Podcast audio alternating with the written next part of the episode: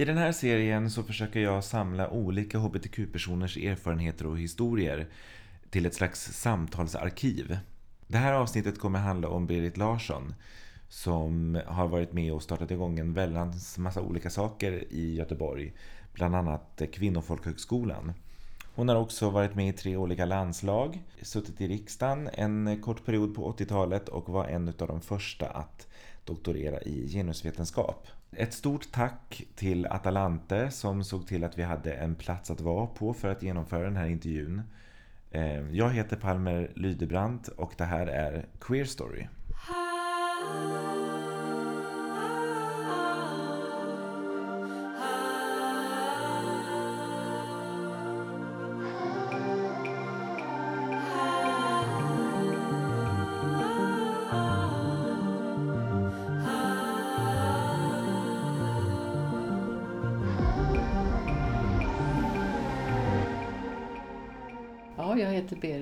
Larsson och, eh, och folk tilltalar mig som hon. Men ibland är det inte det som de har sett mig som. Utan eh, jag är ganska lång och så ser inte allt för överfeminiserad ut tror jag. Så att eh, det har ju till och från varit riskabelt att gå på toaletter för de har blivit utkastade och sånt. Så sådana erfarenheter har jag. Men själv känner jag ju det lite mer som en, eh, en förolämpning då. För jag tycker att jag har gått på rätt ställe. Men eh, det är utifrån man blir bestämd väldigt mycket tror jag. Och om du skulle få bestämma själv? Ja, då, är jag, då skulle jag kryssa på hon. Mm. Det skulle jag göra. Jag är ju extremt lång. Va? Mm. För svårt, jag har ju varit svårt att hitta kläder till exempel. Mm. Och jag tror att jag var faktiskt en gång på Aftonbladets här, baksidan, tidningen, Sveriges längsta 16-åring. Som inte klipper av sig sina ben. För då, på den tiden, det här är ju på 60-talet, då kapade en del tjejer lår, lårbenen så de kunde bli lite kortare och som var extremt långa. Och det har att göra med könsstereotypa föreställningar. Va? Vem får dansa? Ja, mm. då, ska man ju, då ska man ju ha ett förhållande till, om man är i det heteronormativa systemet, va? då ska man ju vara kortare än vad männen är. Annars blir de oroliga. Ja, så att, sådana där erfarenheter har jag. Men då hittade jag ju en väg in i, eh, i idrottsvärlden som var bra för mig faktiskt, på många sätt. Socialt också. Jag var med i tre landslag nästan samtidigt, så att väldigt tidigt. Va? Så jag började med att åka skridskor och då var det inte konståkning. Och sen så blev jag höjdhoppare, så jag var med i landslaget i ett antal år. Och så var jag basketbollspelare. Det är spännande för det är tre helt olika Fast mm. ändå inte helt olika. Det krävs eh, starka ben. Det krävs en viss längd. Så det är inte så olikt. Är det inte. Jag tror att det börjar med att jag... Jag kommer ju från en, en, eh, en miljö som var ganska pressande många gånger. Va? Psykiskt pressande. En mamma som var ganska sjuk också. Eh, och jag tror att jag började med att springa hemifrån. Så jag började med att springa jag sprang. Jag var otrolig på att springa. Mm. Så, och eh, jag lärde mig att cykla väldigt tidigt, så fyra och ett halvt år eller något. Och jag kunde både cykla och springa tidigt. Men jag hade ju ingen bra koordinationsförmåga tror jag, för att jag var, växte alldeles för snabbt. Så det kom inte förrän jag tror det var i, i femte klass. Plötsligt en dag så kunde jag koordinera kroppen. Och det är väldigt, jag minns ju de här tillfällena jag kunde kanske hoppa 80 centimeter höjdhopp i skolan. Och plötsligt så hoppade jag 1,40. Och det kom ganska på en gång. Och då kunde jag plötsligt koordinera alla möjliga rörelser. Så att, eh, sen var det nog naturligt. Va? Och så hade jag ju då jag hade ju en, en grundkondition eftersom jag hade sprungit så mycket. Jag älskade faktiskt att springa. det låter konstigt va? Men jag skulle mycket väl kunna ha blivit en sån här maratonlöpare eller någon sån där Ironman eller någon sådana där tävlingar. Men det fanns ju inte då. Va? Tjejer kunde ju inte springa långt. Den längsta sträckan vi kunde springa var 800 meter på fri friidrott om inte det var man sprang terränglöpning. Så att, eh, ja, nej, jag, jag gillade verkligen att springa och hade då en, en otroligt bra kondition. Men jag, det tror jag det har att göra med att jag, det var någon slags eh, frihet i det tror jag. Och det har jag märkt sen alltså, när jag har haft, suttit och jobbat med olika saker och problem som ska lösas. Då har jag också sprungit. Men nu är jag ju så gammal så nu, nu får jag gå och cykla istället. Hur var annars din uppväxt? min uppväxt, jag är uppvuxen i mestadels kan man säga i Göteborg. Då. Och i barnrikehus hette det på den tiden. Det hette Solgårdar tror jag också. Och de var ju inte så där jättesoliga de där gårdarna, det kan jag säga. Det var mycket cirkusar och det var mycket bråk och missbruk och allt vad det var. Det är ju så när många människor tvingas ihop. Och alla är inte, kommer ju inte från Göteborg heller. Folk kommer inflyttande och tappar sina, sina band till, till familjen man har på landet och sånt där. Så, att, så att det är jag uppvuxen under de förhållandena. Och eh, studier var ju inte någonting som eh, var aktuellt för oss. Och sen hade vi ju då eh, strax ovanför våra gårdar kan man säga, så var det lite finare hus. Men de ungarna var tvungna att passera hos oss. Och då förstod jag, här är det, här är det skillnad på folk och folk. Och de var också tvungna att handla i samma affär som vi hade. Vi hade lite mjölkaffärer och speceriaffärer precis.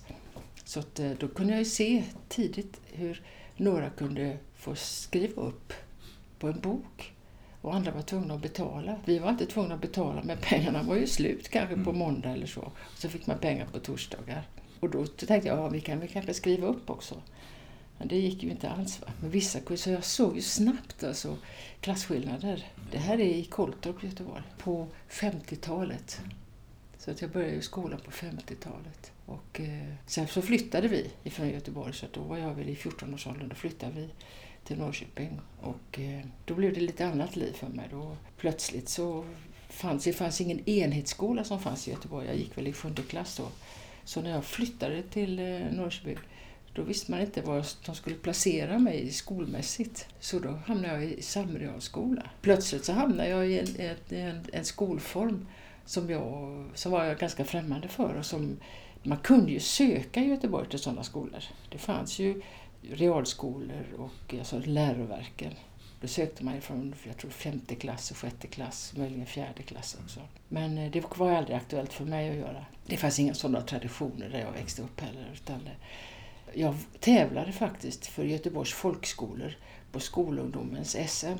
Och då vet jag att då åkte man tåg från Göteborg upp och då de som gick, alla som åkte upp gick vi i olika läroverk. Så jag satt där med mina mackor och då minns jag att de frågade vilken skola. I Göteborg gick man på en skola om man gick på ett läroverk eller realskola, men i folkskolan. Ah, så det, det, där, det var ju direkt alltså vilken proposition det var. Mm. Så jag sa jag går i folkskolan. Då fick jag åka ensam. det var ingen som var intresserad av. Nej, det, jag, så det, det jag minns det ganska väl alltså. Jag tävlade i höjdhopp. Så där kunde jag ju briljera den gången. Även om jag gick i, i folkskolan. Men det var, jag vet, det var väldigt ovanligt. Det hörde man, det var ju på stadion, va? det var GCI-arna, de som hade hand om det. De ropade ut i högtalarna och så. Göteborgs folkskola, det var lite Det var ovanligt kan jag säga. Och det var ju gammaldags stil vi hoppade. Vi hoppade ju inte flopp. Det hade ju passat mig jättebra. Utan det fanns inte då, så jag fick ju gå från sax till dykstil. Så att, eh, ja, jag hoppade 1,70 då, men jag tror att jag hade varit jättebra med flopp, men så lång som Eva, så att, det tror jag. Det var också en möjlighet. va. Och då, då träffar man också folk som bryter lite grann mot stereotypa normer. Men idrotten var ju begränsad, alltså kvinnoidrotten. Så det var ju massor av grenar som vi inte kunde, fick inte göra. Mm. För att de hade massa föreställningar om eh, ja, äggstockarna skulle kunna skaka loss. Det var allt möjligt. Va? Mm. Så att det, det var ju fullt av sådana stereotyper. Fotboll till exempel. Vad skulle hända om man fick en boll på bröstet mm. eller så? Va? Ja. För idrotten är lite grann en spegel mm. av mm. hur samhället har sett ut va? med stereotypa föreställningar. Idrotten har erbjudit kvinnor ett annat utrymme. Va? Det är jag alldeles säker på. Och de man träffar där var också ibland mer fria, annorlunda. Och det var naturligtvis en hel del lesbiska kvinnor som fanns i de kretsarna också. Som man då inte tänkte på. Nej. För man pratade inte om nej, det? Nej. nej, det gjorde man inte. Men så småningom man blev äldre så anade man och så förstod man. Men det var ju otroligt tabubelagt. Otroligt. Jag menar, det har varit ända fram i modern tid här. Alltså nu, det är inte länge sedan svenska landslaget i fotboll fick ta tag i de här frågorna. Hur, var, hur var det för dig? Ja, för mig, jag, jag har, ju, har ju heller inte förstått sexualitet som, som någon fast kategori. Mm. Utan jag tror att sexualitet, begäret är föränderligt på olika sätt. och kan rikta sig på olika sätt snarare. Så att eh, det var väl inte förrän jag var kring, eh, kanske, ja jag tror jag var närmare 20 år innan jag hade någon relation mm. med en kvinna. Men jag hade väl relationer med män och jag kan ju ha varit förtjust i en del kvinnor också, och tror jag förälskad faktiskt. Men eh, kunde inte uttrycka det på det sättet eller förstå det riktigt. Då är det här, eh, jag är född 44 så kan du räkna. Jag började min lärarutbildning 1962. Det var ju på den tiden när det var extremt könsstereotypt. Jag, till exempel under mina fyra år på seminariet så var, hade vi klädkod. Så kvinnliga lärare var tvungna att ha, ha kjol, fick inte ha långbyxor. Så att eh, vi skulle vara föredömen på massa olika sätt och inte minst alltså könskodade föreställningar. Vid den här tiden så är det kanske inte heller att det finns något offentligt samtal kring... Eh... Det finns inget offentligt samtal. Eh, jag menar, vi är sjukdomsförklarade. Mm. Och eh, själv funderar man ju över sånt då, hur, hur, hur, galen är jag eller så. Hur fel är det här och så. Så den normen var ju otroligt stark. Va? Och bor man då en, på en mindre ort så hittar man inte, man hittar inte varandra. Män gör det på ett annat sätt tror jag. Så att eh, det var ganska svårt faktiskt. Man blir ju liksom stigmatiserad och man blir tillskriven föreställningar. Och det är inte så man känner sig, det är kanske inte så man beter sig heller. Va? Men omgivningen förväntar sig och sen så lägger de det på en. Va? Så det är det som är det besvärliga att förhålla sig till. Jag känner inte att jag har en, en fast identitet på det sättet. Utan min identitet, och jag tror det gäller för människor, den är föränderlig. Va? Och jag vill hellre tala om hur vi identifierar oss på olika sätt. Och identifikationer över tid, det blir ju en del av en identitet. Men vi ständigt, så på nytt så identifierar vi oss.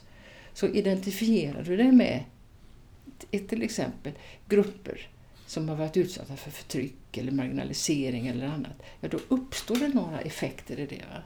Och det är det som jag menar då att det här är en politisk kategori. Va? Och identiteten, ja, den kan vara, det kan vara väldigt mycket som ingår i en identitet. Mm. Allt från trosföreställningar om allt möjligt va? till eh, ja, vad det nu kan vara. Men identifikationen borde vi tala om. Mm. Men det gör vi inte, utan vi talar om identitet som om den vore fast. Och sexualiteten är inte heller fast. Och könet är inte heller fast, va?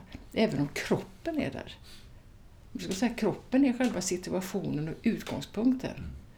Och det är frågan vilken mening vi tilldelar kroppen. Men idag har ju, har ju det här liksom, ja, kommit in en viss, jag ska säga nästan eh, galenskap. Va? Där de tror att, jag är ju genusvetare också, va?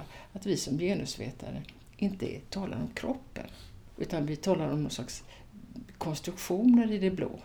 Men det är klart att kroppen, det är ju den som blir bärare av mening. Men det är ju vilken mening kroppen får som har betydelse. Jag tror nämligen att det finns stora intressen i att tala om identitet. Jag tror att det finns en egologik va?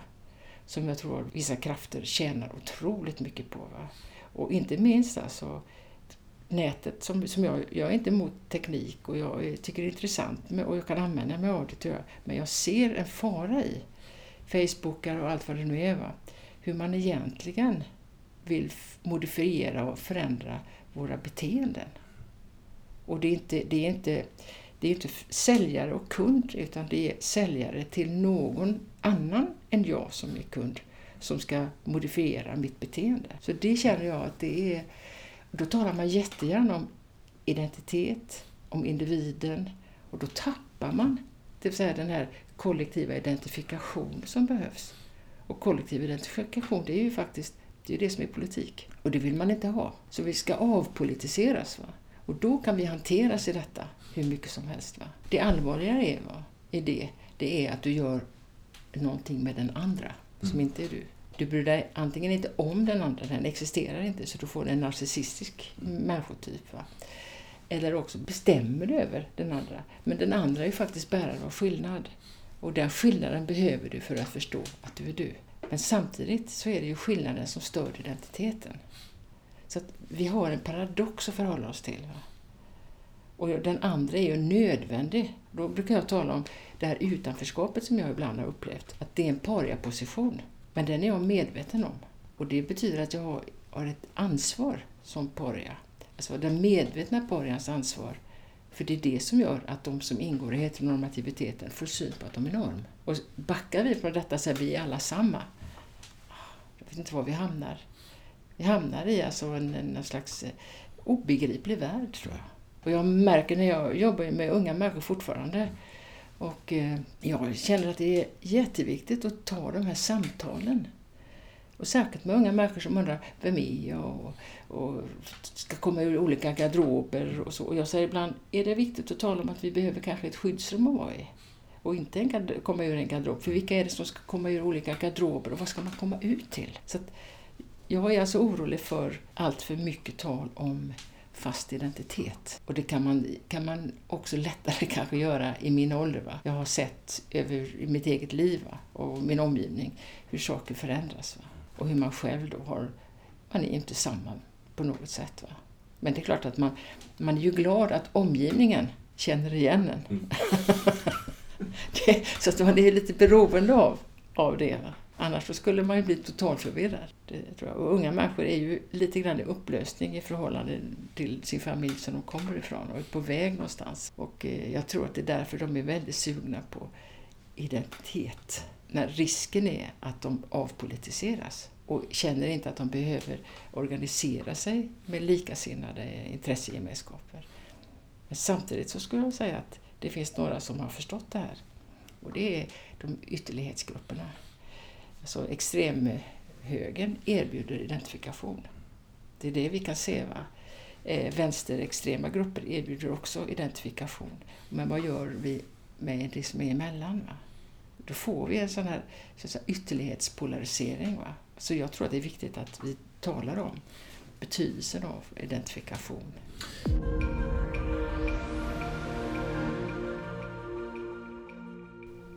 Alltså jag, jag, alltså i min, alltså min familj har vi alltid diskuterat mycket. Mm. Även om alltså valhemligheten var helig. Mm. och då när det var valdag då klädde man sig fin och så gick man och röstade. Det minns jag så väl. Va? Men det diskuterades och det, det märkliga var att de alltid räknade med att vi kunde ha en åsikt och en uppfattning. Det var, väldigt, det var ju väldigt märkligt. Va? Alltså dina föräldrar? Mina föräldrar. Mm. Så, att, så väldigt tidigt så tjafsade de då emot och jag tjafsade emot dem och de mot varandra och sådär. Va? Så att eh, jag tror att jag ganska tidigt var en sån här eh, jag var intresserad av sånt här. Jag cyklade runt när det var valtider och såg och lyssnade. Jag var jätteung. Va? Men jag älskade att höra de här diskussionerna som kunde vara. Va? Jag tyckte också om teater. Va? Så det fanns sån här rörlig teater som fanns här i stan. Då kunde man också cykla efter. Va? Och. Så att jag var nog intresserad av eh, det som skedde mellan människor lite grann. Borgerlig blev jag nog aldrig. Mm.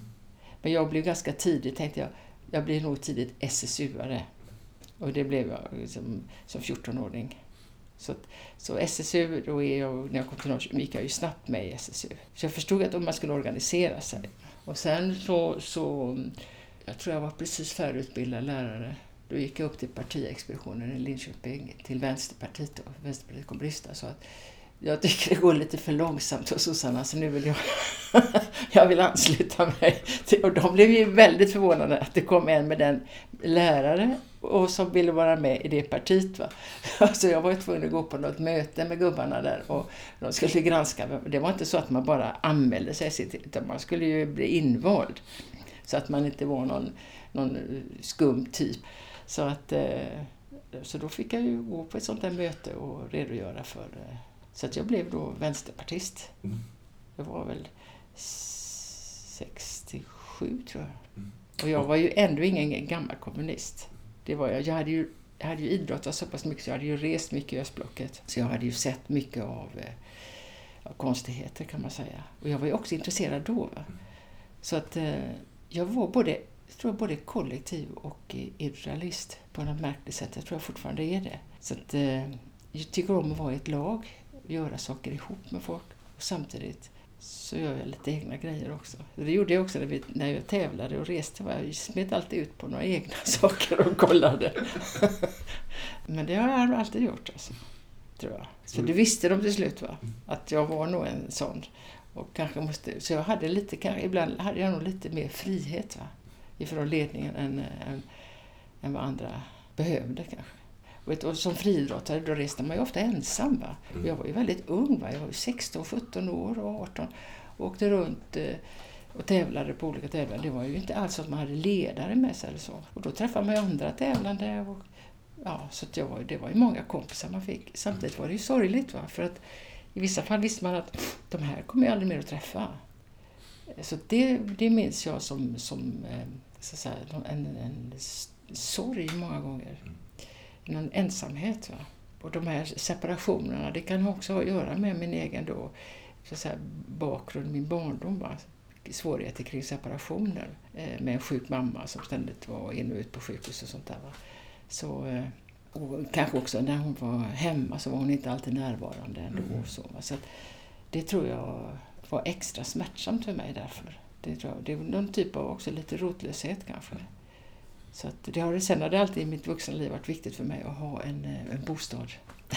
Det är viktigt för mig att ha ett hem. Sen behöver jag inte vara det så mycket men det är någon, alltså en mardröm skulle vara att inte ha den, den fasta punkten. Jag tänker också många av de där mötena som man kanske också vet sen att det här det är bara nu. Mm. De kanske blir extra starka också ja, just för att de precis, är... Det, det är precis så. Och sen måste man veta att de måste skiljas. Så. Mm. så. Och, och de blir otroligt betydelsefulla. Mm. Det måste jag säga. Har du liksom fått kontakt med någon efteråt som du som liksom eh, Nej, inte särskilt mycket faktiskt. Va? Då var det ju så att du kunde inte resa i vissa länder. Va? Det gick ju inte. Du, du, du kunde resa i vissa delar av Europa, va? men du kunde inte resa i Sovjet till exempel, Nej. eller i DDR eller så. Va? Utan det, var ju, det kunde du bara göra om du idrottade. Jag mm. började och, och, och trappa ner på idrottandet. Och, eh, det var inte så lätt nämligen att gå lärarutbildningen. Jag gick ju gamla folkskollärarutbildningen. Och, vet, de var inte intresserade av folk som idrottade där. Det var ju naturligtvis, jag fick ju högsta betyg i idrott och ledarskap och sånt. Men sen var ju inte det grejen där. Där skulle man ju spela orgel och bara spela, sjunga psalmer och ja, kunna en massa andra saker. Så de, jag hade väldigt svårt att få ledigt för landskamper och sånt där. Alltså. Så basketen kom, kom igång mer efteråt. Mm. Mer. Även om jag då var med redan ganska tidigt när jag gick på seminariet, men sen la jag ner det ett tag. Och då sysslade jag mer med, med amatörteater tänkte mycket att livet är lite grann en teater. Va?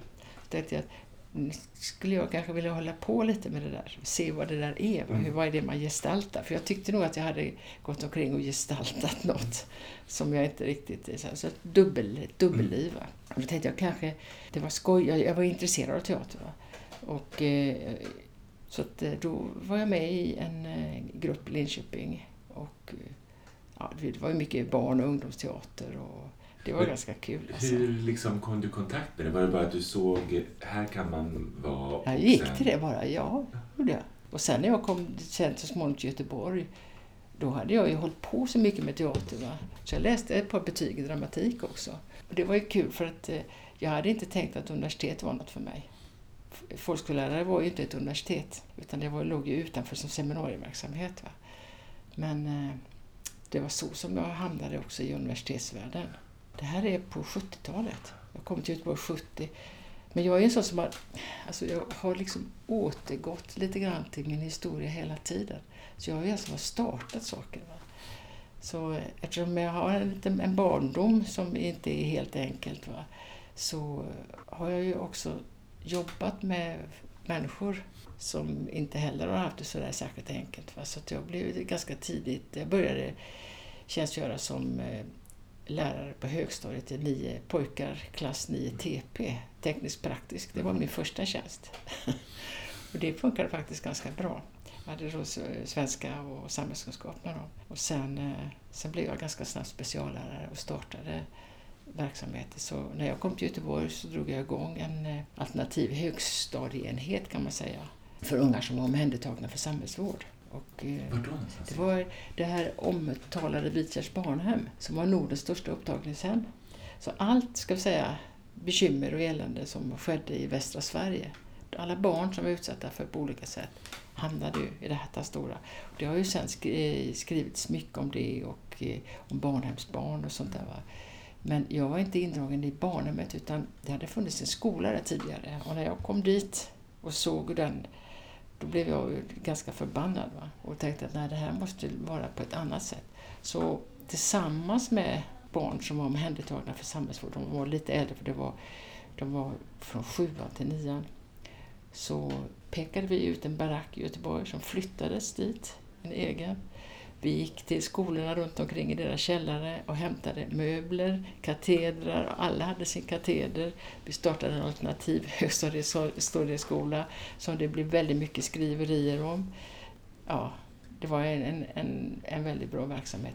Och så kommer barn från hela Göteborg till den här, eller ja, man, man sökte ju till skolan då. Det var ingen friskola. Mm. Det fanns inte på den tiden. Det fanns bara en friskola i Göteborg, det var Samskolan. Och när de fick höra att vi var en alternativ högstadieenhet så ringde de upp mig och frågade mig varför vi kallar oss för det. Ja, för att vi är ett alternativ. Eh, jag förstod ju sen att det vi sysslar med var väldigt mycket frenépedagogik. Men de ville väl ha patent på att vara den här exklusiva skolan. De tyckte inte att det var bra. Men den skolan har jag sen jobbat på och eh, varit med och driva på olika sätt. Bara det är en, en jätteberättelse som är, som är faktiskt ganska det, den är faktiskt ganska underbar. Va? Startade du det här själv? Yes. Eller? Ja. Och sen så kom det, så kom det, knöt jag några lärare som till så att vi var, det var ju väldigt liten enhet va. Men det kunde vara ungefär 15 elever i, i samt, samtidigt va. Från lite olika åldrar. För det var, en, det var en alternativ högstadieenhet för de som var svårast att hantera mm. i skolmiljö. Va? Men de gjorde utställningar, de gjorde radioprogram, de gjorde massa intressanta saker. Och när de, flera av grabbarna till exempel som hade slutat skolan, de utbildade sig sen till hantverkare och sånt. Då höll de alltid kontakt med skolan så de kom alltid upp och såg till att elementen var luftade och att det inte var några bekymmer. Och, så. och det var också bra förebilder va? för de andra som var på skolan. Då, va? Så att, eh, sen så Alltså anledningen till detta, det, det, här ligger alldeles intill där jag är uppvuxen. Och ett hot i hela min barndom har varit att hamna på Vichars barnhem. Och, och jag har flyttat tillbaka till Göteborg. Va? Och det jag, första jag gör det är att dra igång en sån här verksamhet precis i det här Vichars barnhem. Så det är lite, jag kan ju efterhand se eh, några spår här tror jag. Det är lite självterapeutiskt Det, det kan man nog säga. Va? Jag visste ju alltså att det, det blommar eh, rosor på soptipparna. Va? Det var ju det jag visste. Va? Man kan ju säga att det här är ett sätt att eh, bearbeta någonting, kanske. Men jag har ju haft en mamma som har varit mycket ensam och läsande. Men ingen haft att tala med. Och eh, jag kunde ju se alltså betydelsen av att få vara i andra sammanhang, men där de inte fanns.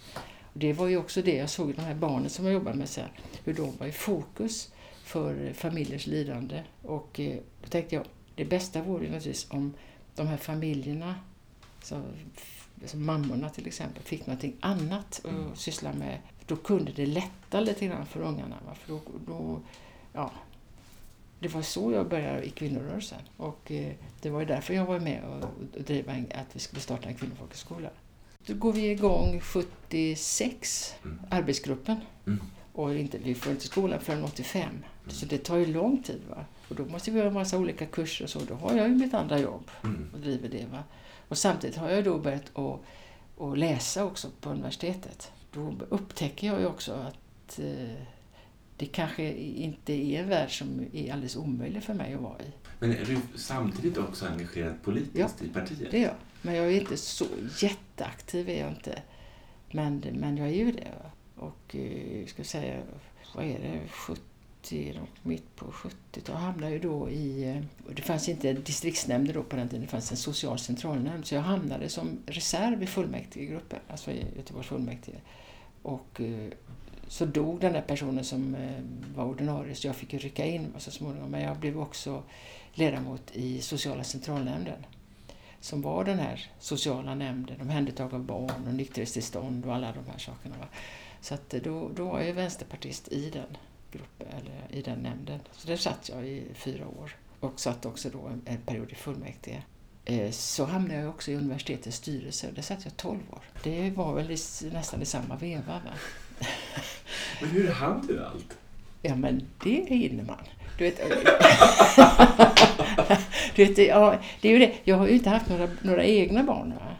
Och det, för det, då, då hade det sett annorlunda ut. Va? Och har inte haft allt för eh, vidlyftiga relationer. Och för, jag har haft eh, några relationer och eh, de separationerna har naturligtvis eh, tagit tid. Men sen så har det ju lugnat ner sig. Va? Så att, eh, och det är ju en del av, eh, det är en del av livet. Va? Mm. Förut har jag idrottat så mycket, va? men nu var ju det över. Va? Och jag tänker nu när jag jobbar lite grann, jag, hur i hela friden orkar man jobba så mycket? Hur, hur hann man? Det har jag ju lite svårt att förstå. Va? Men det var ju samtidigt kul. Va? Mm. Det var det. Det är inte jag bara som kommer på det, utan eh, vi, vi tänker så här, aha, kvinnors politiska så säga, inflytande, det är ju det. Va? Det är ju inte klokt att vi går arbetslösa eller vi får inga jobb, vi är nolla i statistiken. Här är en massa människor, massa kvinnor som går hemma i sina lägenheter i sin isolering. Då måste man komma samman. Och, eh, så det är egentligen en politisering, en mobilisering. Va? Så ja, hela den historien vet du, är ju helt otroligt. Och då var det viktigt att vi hade en bra strategi. Va? Och kvinnorörelsen i Göteborg var ganska aktiv. Både gamla SKV, den lesbiska gruppen, grupp 8 fanns det och så var jag med och startade något som heter Kvinnocentrum. Så där var jag då aktiv. Så jag var inte med i grupp 8, jag var inte med i Lesbiska ligan eller Lesbisk front eller dem, utan jag var med i Kvinnocentrum. Och Kvinnocentrum tänkte som en paraplyorganisation. Så vi skulle egentligen samla de olika, men inte för att bli samma, men vi skulle ha en gemensam plattform eller en gemensam lokal. Så jag var då först aktiv i husgruppen, så kvinnohusgruppen. Och då gick vi ju runt och tittade kvällar och nätter och det var lyste i, och lampor var tända och släckta och tänkte jaha, här verkar det vara ett kommunalt hus och här verkar det kunna finnas Ja, så, så vi försökte kartlägga stan. Va? Och sen så uppvaktade vi då politiker. Ja, och det var ju mycket grejer med detta. Va? Och under tiden så höll vi i Kvinnocentrum på med olika kurser, vi hade möten och ur detta kommer Kvinnofolkhögskolegruppen. Sen startade vi kursverksamhet, kvällsverksamhet i alla möjliga ämnen. Och Kvinnocentrum var ju liksom först då motorn i detta. Så får vi så småningom Kvinnohuset i Gamlestan. Och det är det första huset i Sverige. Va? Då har vi ju en, en, en plats att vara på. Då tänker vi i kvinnohusgruppen, okej, okay, här skulle vi kunna ha kursverksamhet och huset var skraltigt. Vi börjar med byggkurs för arbetslösa kvinnor. Vi bygger helt enkelt om huset. vi hade ju tänkt så här, ja, nu kommer kvinnor så har de ju barn. Va? Eh, och får de överhuvudtaget komma till de här kurserna? Så vi var ju runt i tvättstugor och överallt och satte upp lappar. Var inte nolla i statistiken, kom till kurs och så. Och då blev de ju oroliga på länsarbetsnämnden. För hur skulle detta gå till? Och vilka var vi? Då blev vi en filial, en liten kurs till Göteborgs folkhögskola. Och så småningom blev vi det till Nordiska folkhögskolan som de hade timmar över så då fick vi del av den potten. Mm. Men Arbetsförmedlingen, alltså Länsarbetsnämnden, blev ju helt bestörta när det kommer en massa kvinnor som vill ha utbildningsbidrag för att gå kurser. Men då, hade, då satt jag i fullmäktige då hade vi förankrat lite grann i socialdemokratiska gruppen Kvinnorna, var Barbro Jansson till exempel som var en så ledande person här. Och sen hade vi via de här hade vi kontakt med Berit Rolén som var chef, tror jag, för hela arbetsAMS tror jag, på den tiden. Så när, när det kommer länsarbetsdirektörer på sina utbildningar med de högsta cheferna, då får de höra att det är något intressant projekt på gång i Göteborg. så vi, jag kan säga att vi var strateger, vi visste hur man från botten, alltså från så att säga, gräsroten, jobbar och också med det översta skiktet. Och då klämmer man ihop de som är på mitten. För de vet inte riktigt hur de ska förhålla sig. Och det, var vi, det lyckades vi med. Va? Du vet, kvinnohuset var ju inte lämpligt för detta för då kom de med barn och vi hade inte riktigt tänkt över vad barnen skulle vara. Va? Och då insåg de ju från kommunen men här kan ni inte ha barn. Här är ju en å framför och här är inga staket. Stor cirkus. Hur ska vi få ett staket? Vem är det som äger den här marken? Är det fastighetsnämnden eller byggnadsnämnden? Så då vet jag att vi stod och lyssnade på tjafs på våra stora gräsmattor utanför, vem som skulle betala staketet. och sen kommer de ifrån förskolan och säger, här kan inte barn vara. Nej, men nu har vi satt igång kursverksamheten. Och här är ju barn. Då blev de ju kommunen tvungna att öppna en special dagis tillfälligt ah. tills att vi kunde... Så då byggde vi om mellanvåningen så det kunde vara dagis där. Och sen byggprojektet var att renovera hela vinden. Så det höll vi på med. Så alla de kvinnorna som kom, vi gick ju på blåställ och så var de, fick vi anställa lärare som var snickarutbildade och vi hade några som var, bygg, som var chefer på bygg, byggen. En arkitekt och en, en vanlig ingenjör. Och sen var vi, hade vi andra ämnen också. Så att, eh, och sen i detta ingick då praktik. Så våra deltagare, det var ju vuxna kvinnor, va? Mm. då skulle de iväg och så skulle de göra praktik på byggen. så det var ju ett sånt brytprojekt. Va? Så att, eh, det var så vi började. Va? Och sen drar vi igång gruppen, eh, alltså folkhögskolegruppen mycket bredare. Vi hade ju lite kontakt med Danmark då som hade helt andra. Så blev det ett snack med Stockholm. Då vill de inte vara i de här statliga formerna. Mm. Utan de vill vara helt fria. Och då säger vi, okej, okay, det kan ni vara. Men då är det inte samma målgrupp som vi har. För de som vi jobbar med, får inte de bidrag eller så får de inte studiemedel åtminstone och får gratis dagis så kommer inte de. Då blir de, blir de hemma igen. Va? Så att eh, det var ju våra villkor och Stockholm tänkte nej vi vill inte ha det så. Vi vill, det var ju mer så här, mer aktivister i rörelsen bara. Men vi var ju också lärare och hade liksom lite annan inställning tror jag. Eh, så att de startade då den ska säga, kursgården som nu finns i Dalarna. Så där, där har de ju kvar. Mm. Men det är en kursverksamhet som man får åka till och så får man betala. Va? Mm. Men vi blev ju så småningom en egen folkhögskola. Men innan dess så hade vi ju naturligtvis varit uppe i riksdagen med hela gänget. Och det var ju, vi hade ju kvinnor från hela världen på de här kurserna så de, det var lite ovanligt i riksdagshuset att se kvinnor med, med chaletter och grejer. Va? Så att, då hade vi fått två eh, socialdemokratiska riksdagskvinnor som hade motionerat nämligen. Så när den motionen kom upp, och den avslogs naturligtvis. Va? Alltså om er Om att få starta en folkhögskola. Så mm. den kom ju upp då. Va? Då var vi ju där uppe och försökte i mesta möjliga mån röra oss i korridorer. Så jag tror vi fattade ganska tidigt vad sån här lobbying var. Mm. Och eh, den blev naturligtvis inte beviljad. Va? Så nästa år, då går det ju äskandevägen, alltså via skolmyndigheten. Du mm. behöver inte komma till riksdagen. Du har redan varit uppe och vänt. Då, och då har man förstått att här är någonting. Mm. Och vi hade hållit på med en verksamhet, kursverksamhet. Då fick vi ett förhandsbesked, jag tror det var i februari-mars. Är ni beredda att starta? Ja, visst, sa vi. Och det, det var vi ju faktiskt inte. Och man är tvungen att ha pengar för att få vara en stiftelse. Och då var det, det är alltid så, det, plötsligt så fanns det en Anna Andersson som såg till att vi hade 20 000 på det där kontot som man var tvungen att ha för en stiftelse. Eh, som Anna Andersson, vem det nu var, lånade ut. Så då hade vi det. Och eh, så hade vi ju naturligtvis hållit på, för vi hade träffats så oändligt mycket och skissat och ritat och haft oss. Va? Inte ett, det fanns inte ett café i Göteborg som inte vi hade suttit med blädderblock på och mm. skissat. så eh, då så förstod vi att okej, okay, nu är det dags att starta.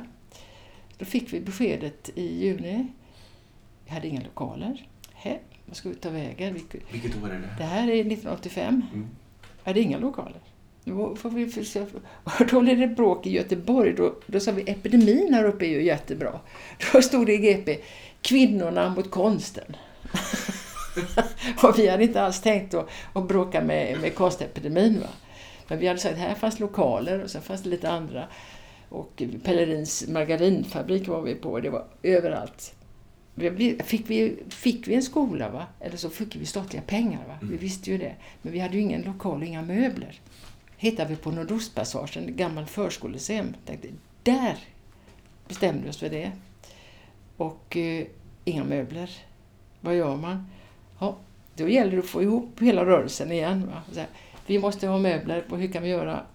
Banker på den här tiden, det är 80-talet, va? då skulle, fanns ju mycket, så att säga, allting skulle liksom expandera här Mm. och kapitaliseras. Bankerna, vad gör de med sina möbler? Vad gör posten med sina möbler? Och så gick vi igenom och så ringde vi runt till dem och frågade vad de har gjort med sina möbler. För de har ju bytt nu. För det ska ju, jajamän, de hade möbler i alla möjliga förråd. Så en jättestor lastbil. Och så åkte vi runt och så samlade vi in alla möbler från hela Göteborg. Och det var ju fantastiska möbler. Vet du. Det var plyschfåtöljer och allt möjligt.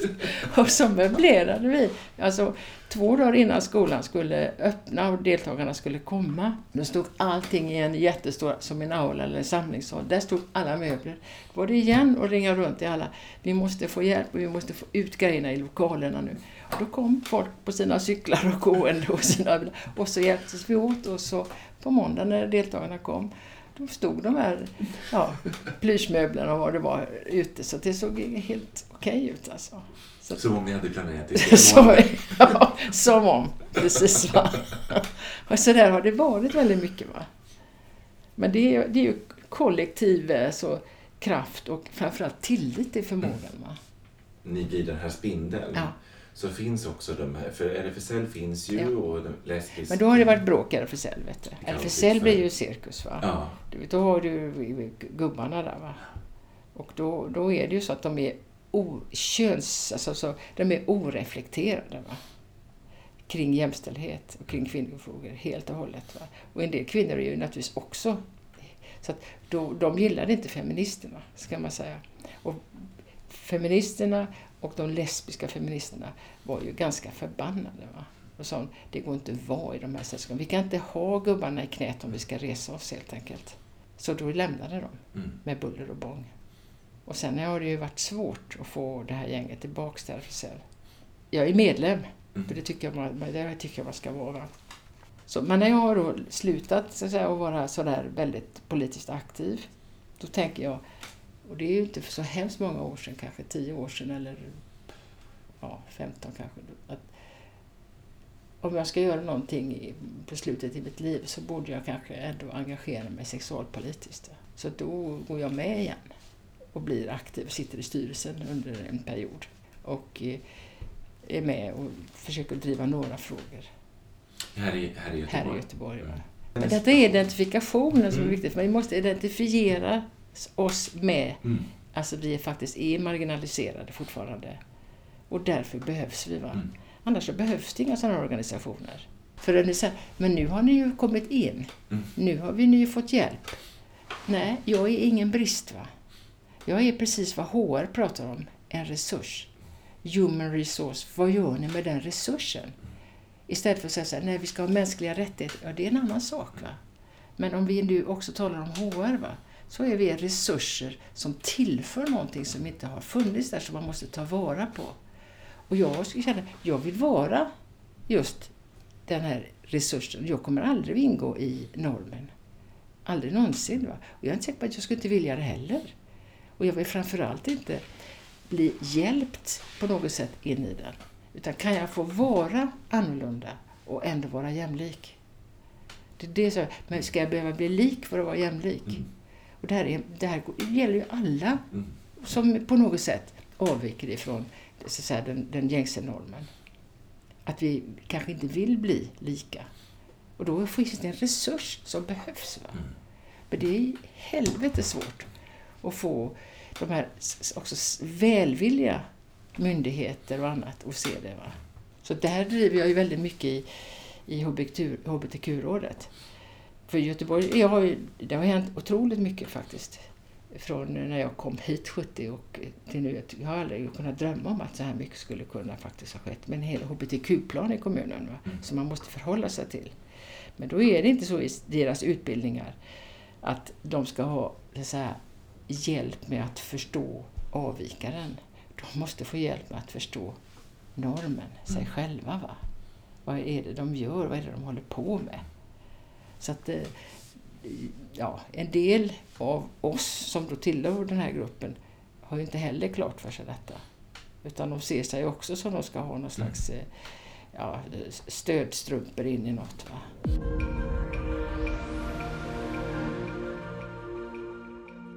Jag tycker att de senaste åren har jag tänkt så otroligt mycket på hur man pratar om de olika Pride-paraderna. Mm. Och, och det är olika kända människor som, som tycker att det är så mycket kärlek där och det är så härligt med Pride. Och love is love. Ja. Och det, det retar mig så otroligt. För att man pratar aldrig om identitet eller identifikation. Man pratar aldrig om kön eller könstillhörighet. Och liksom den variationen mm. som vi är. Utan det är alltid bara kärlek. Mm. Jag är lite upptagen av kärleksbegreppet. Berätta! Nej, jag, jag tänker så här att jag tror man ska tala om kärlek mycket mer. Va? Och då är kärlek till världen. Då är det till exempel att, att organisera sig kanske i en motståndsrörelse i en kärlekshandling. Mm. Och det finns flera feminister som skriver om detta. Jag tänker på Hanna Arendt som aldrig var feminist va? men som ändå talar om Amor Mundi som betyder kärlek till världen. Mm.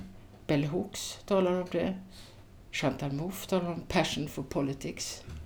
Så det finns ju mycket skrivet om detta. Det vill säga, vad är det som uppstår mellan människor när vi i åsiktsbrytningar gör någonting?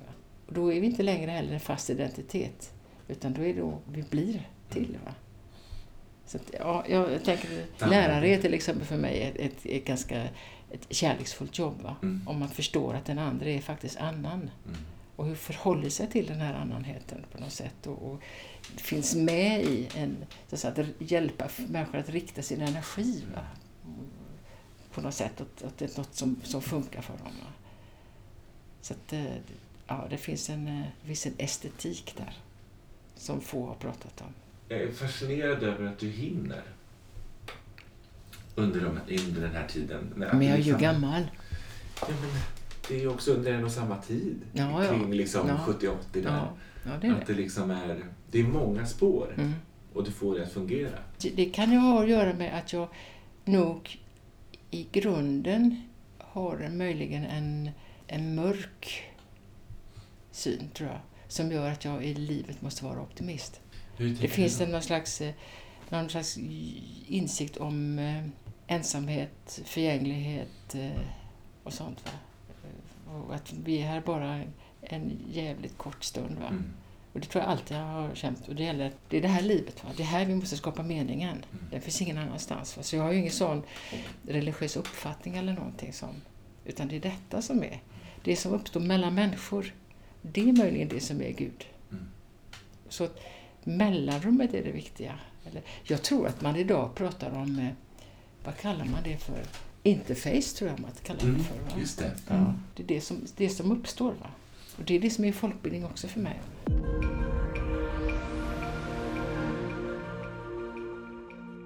Jag är fortfarande kvar i Vänsterpartiet, jag har aldrig gått ur. det har jag faktiskt aldrig gjort. Men jag har aldrig varit, ens, jag har aldrig varit sådär eh, ortodox marxist. Däremot så har jag, har jag stor förkärlek och förståelse för Gramsci. Jag tycker om skillnaden mellan traditionellt och organiskt intellektuella. Va? Den organiskt intellektuella tappar inte minnet. Va? Den kommer ihåg varifrån den kommer, men den behöver inte upprepa det. Va? Så jag tror inte heller på, på klassresor, det här snacket, för det tycker jag man har hittat på att vi ska resa. Men var ska vi resa? Jag tycker det går alldeles utmärkt och ha en historia eller något. Jag inte, och jag tycker inte att någon av mina syskon skulle behöva resa till något annat. Sen har jag skaffat mig en utbildning och har fått ett jobb och haft möjligheter som jag inte hade haft i något annat samhälle kan jag säga. Och, eh, och gör att jag nu har då levt på en medelklassnivå naturligtvis. Va? Men det betyder inte att jag har tappat, eh, tappat min historia, men jag vill inte upprepa den. Men jag förstår den och jag tror inte att jag är om jag skulle vara resenär så är det pendlare i så fall. Och jag tror ibland att det är lättare för kvinnor att vara pendlare. För man måste alltid hem. Jag brukar säga att vi måste hem och byta lakan ibland när det inte funkar. Så att, men min bror de kan släppa det. Va? Mm. Så, så, så. Bildningsresor talar man om. Ja, det är män som har gjort bildningsresor De reser ut i världen, så kommer de hem igen. Kvinnor som gör bildningsresor kommer aldrig hem. Det är intressant att titta på det. De kommer inte hem. Jag har aldrig hört att man kan resa neråt. Nej. Annat än till helvetet möjligen. Så jag blir väldigt störd när jag hör det här, det här pratet. Så tänker vad är det de egentligen menar alltså? Jag har fortfarande någon, jag har någon slags stolthet i min historia.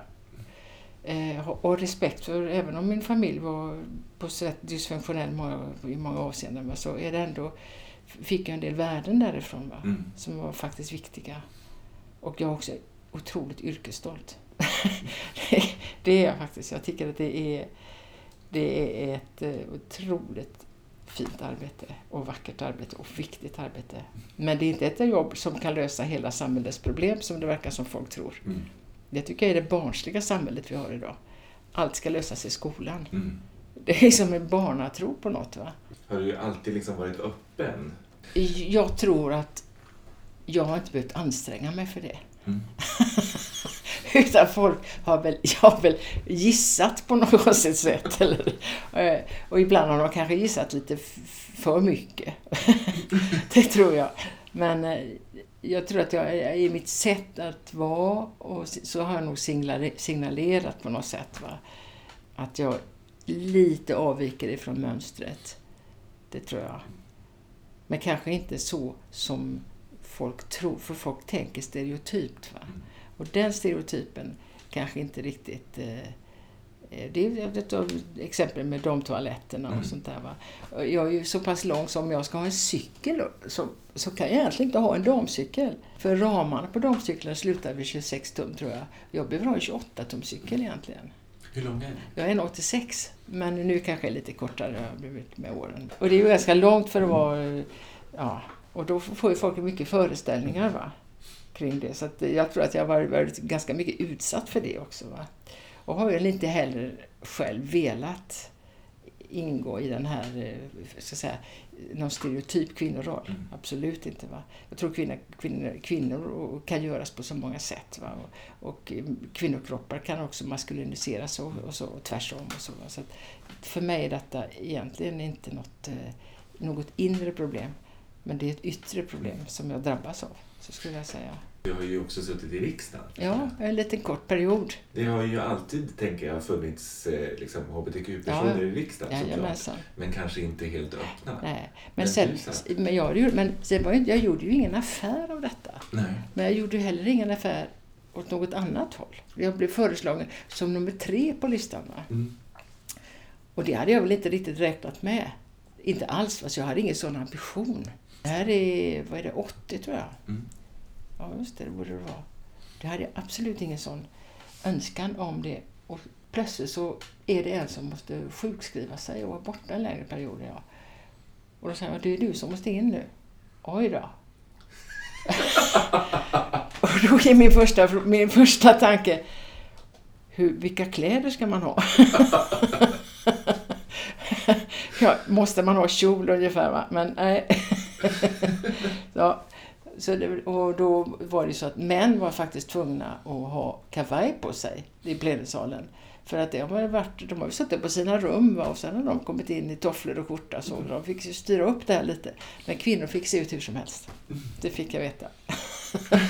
Vad skönt. Det var skönt va. Så att, eh, så, det blev inget problem för mig heller sen. Så att, eh, men då var ju det en kort period. Va? Det var bara en, eh, en dryg månad. Mm. Och då hamnade jag i, i trafikutskottet. Och det var ju inte precis vad jag var eh, inkörd på alls. Va? Det var då man höll på att flagga ut fartyg och ja, det var mycket. Men det var en intressant, det var intressant att se hur det funkade där, det lilla. Den typen av jobb tror jag inte jag är ju egentligen väldigt mycket lärare. Jag tycker om att vara, vara pedagog. Däremot så behövs du pedagoger som är politiskt eh, vakna. Va? Mm. Men det betyder inte att du, du kan inte predika i skolan. För predikan är inte detsamma som passion. Mm. Men du behöver passionerade lärare, mm. men inga predikanter. Va? Och inga karismatiska, det får kyrkan hålla med. Va? Så vi ska vara i andra människors i, i tänkandet hos en annan människa egentligen. På det sättet är det också ett ensamt jobb. Mm. Du följer människor va? och sen säger de hej hej. Så drar de i sina Och du står kvar på något sätt. Och så möter du nya och så är du... Så man är en stund tillsammans. Jag känner igen det här också. Mm. jag har kanske inte tänkt så mycket över det som när jag pratar om det nu. Det är den här eh, grundinställningen med ensamheten som är där. Va? Som, som finns i ett, det här jobbet. Mm. Och samtidigt så är du då det är drivkraft att göra ett bra jobb när du är i det mötet. Va? Men i riksdagen är det ju så att det blir en social positionering. Mm. Så det politiska försvinner, skulle jag vilja säga. Va? Och då har du sociala positioneringar där du utgår ifrån manifest och så. Va? Så de där så förutsättningslösa samtalen mm. dyker sällan upp. Va? Utan du ska positionera dig i förhållande till någon annan grupp. Va? Och då blir det ju det här ställningskriget. Va? Som jag tycker, okej, okay, det är ett socialt spel. Va? Men det viktigaste i politiken är ju det som uppstår mellan människors åsiktsbrytningar. Och om inte det finns, va, ja, då avpolitiserar vi. Då får vi ett socialt spel. Va? Då tappar vi det politiska. Och det är jag rädd för. Alltså. Därför är, är folkbildningen jätteviktig, mm. faktiskt. Men då måste det vara det också. Va?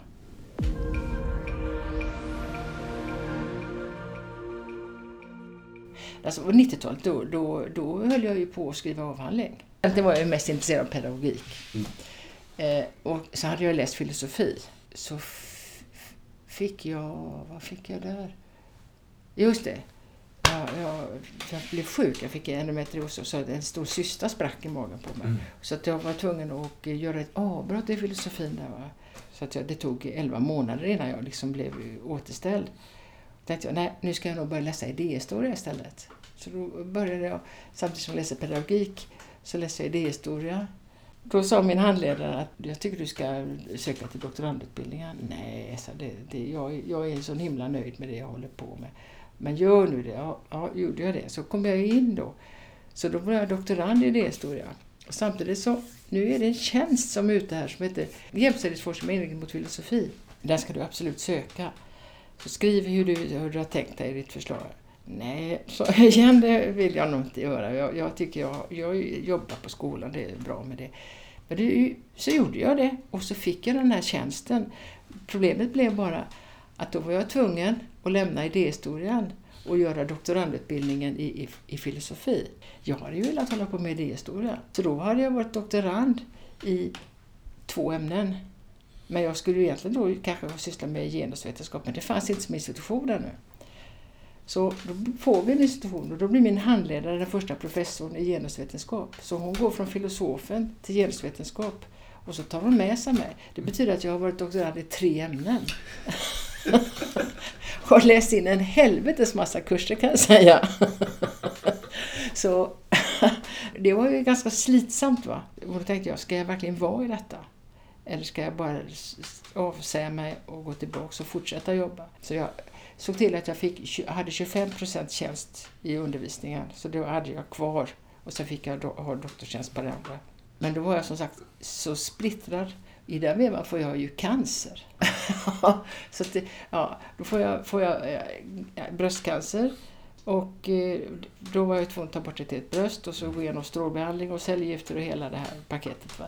Men jag jobbade lite till och från hela tiden. Va? Sådär, så. Men jag tänkte så här, ska man dö så ska man ju inte sitta på en institution för sig själv.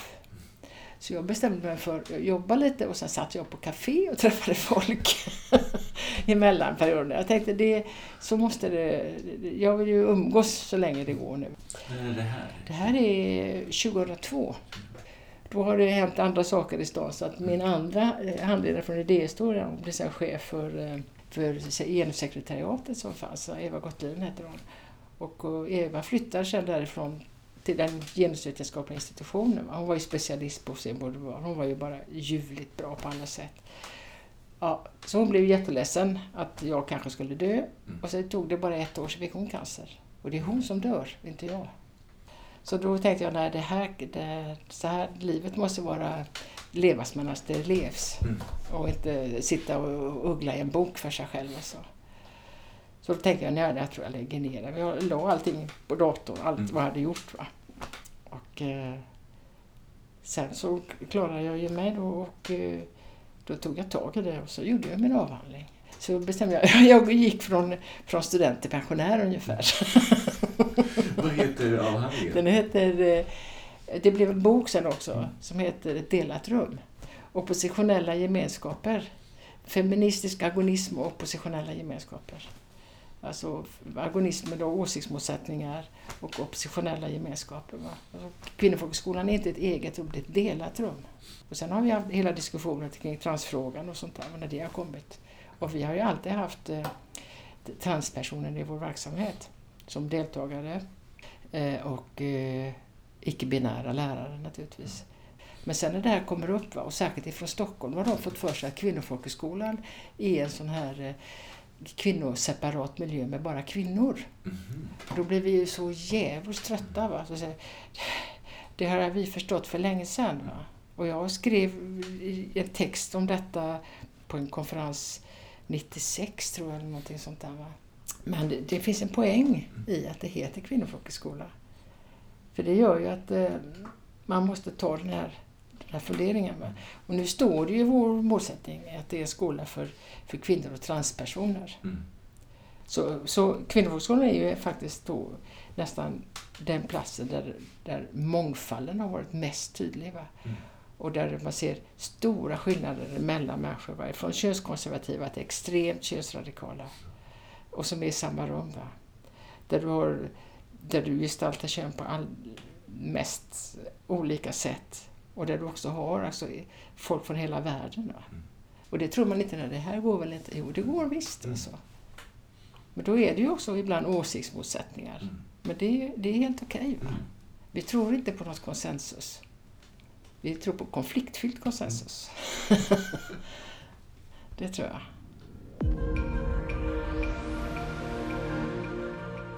Livet idag är ju väldigt bra. Mm. De säger ju att, att det är så eländigt att vara en sån här avvikande livsstil och så. Va? Men jag har ju sett eh, en del utredningar och så. Att vara ung är svårt. Och eh, som motsvarande så säger jag, om man ser en ung grupp så har de lesbiska tjejerna till exempel det. Eller hbtq-personer har det ju svårare då. Va? Men när vi blir äldre så har vi det ofta lättare. Vi har haft jobb, vi har eh, kanske en egen familj, men vi har också en självvald familj och så. Va? Och vi har vänner på ett annat sätt än andra. Och jag tror, när det gäller kvinnor i min ålder, va? så om man har levt så här länge, va? så när man kommer upp i en viss ålder, kanske i 30-35 års åldern, då funderar man mycket över hur ska mitt liv gestalta sig? Ska jag ha barn eller inte? Nu är det en annan sak. Va? Mm. Men när jag var ung så var inte det möjligt. Då fick man ta ställning till, ska jag lämna det här sättet att leva Mm. eller inte? Och det fanns också en liten sorg i det. Va? Så jag brukar säga att en del av oss kom i i tidigt övergångsålder Mm. mentalt sett. Va? Fast att kroppen säkert skulle kunna ha gjort att vi blev gravida. Va? Men vi fick tänka igenom de här sakerna som sen kvinnor får göra, eh, som de andra får göra när de är 40-45 års ålder.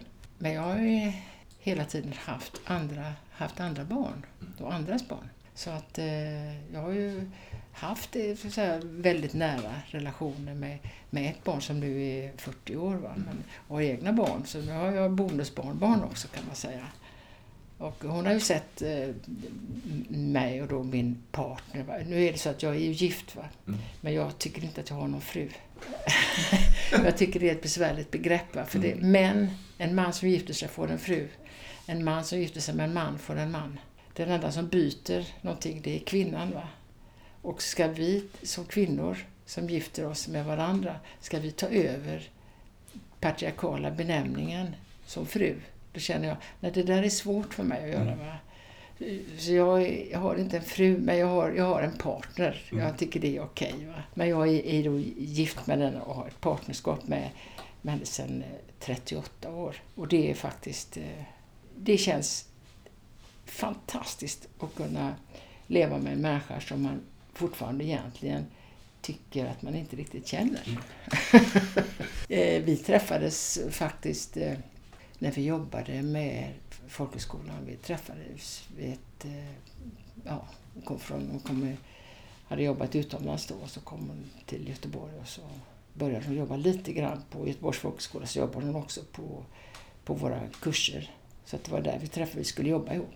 Och då hade jag genomgått en separation och hon hade också genomgått en separation på ett annat håll. Och jag hade bestämt mig för att nej, nu aldrig mer. ja, det hade jag bestämt mig för. Och det kanske hon också hade bestämt sig för, tror jag. Så vi, vi tog en dag i taget. Så har vi gjort mycket en dag i taget. Och det har ju hållit i 38 år. Va? Men vi kommer från två helt skilda miljöer. Vi har inte, vi har inte medelklassbråket tror jag. Utan de kommer från en överklass och jag kommer från en arbetarklass. Det har ju varit faktiskt mycket enklare. Mm. Hon heter Agneta, hon heter Agneta Wirén. Och eh, har också jobbat på skolan. Så alltså, vi har ju, men det, har ju, det är också ett, ett, eh, ett kapitel i sig, hur man kan leva ihop Mm. och sen jobba ihop och hålla isär vad som är privatliv och vad som är så att säga, arbetsliv. Det har varit, eh, varit ganska viktigt för oss att göra det.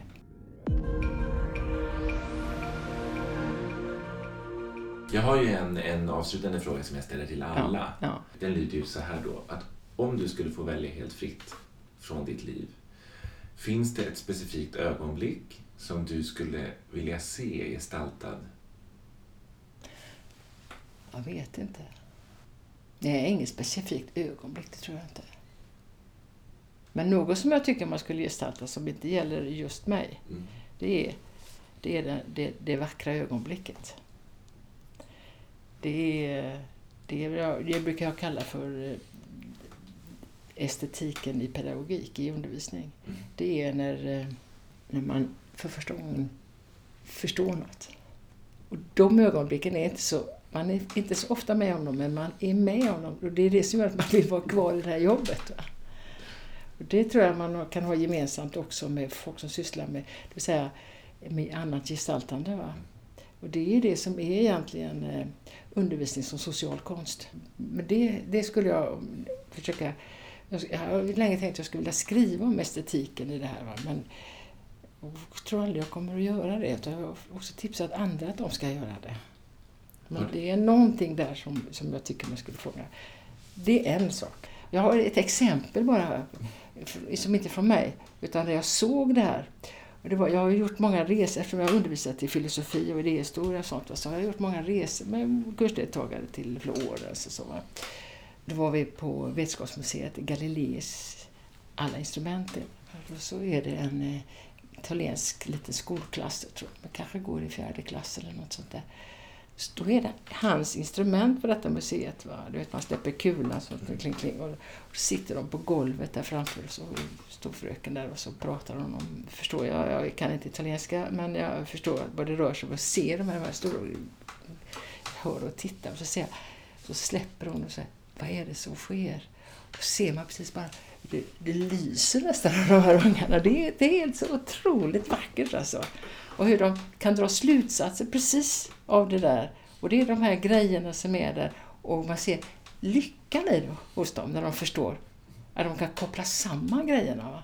Och det tyckte jag bara så här, ah, det här är vackert alltså. Det är en helt ny värld som öppnar Det är så otroligt vackert alltså. Och det är man med då och då va. När folk eh, sätter samman på så att man tänker det här hugger tag i deras liv va. Mm. Och det, det, det finns där va. Jag tror om man frågar människor om ögonblick i livet så kommer de att kunna minnas lite sådana saker va. Tror jag. Du, tack snälla för att Ja, jag fått prata med Ja, dig. har jag babblat hela tiden så nu får jag ju... Vad ska du göra med detta? ja, ja, ja, ja.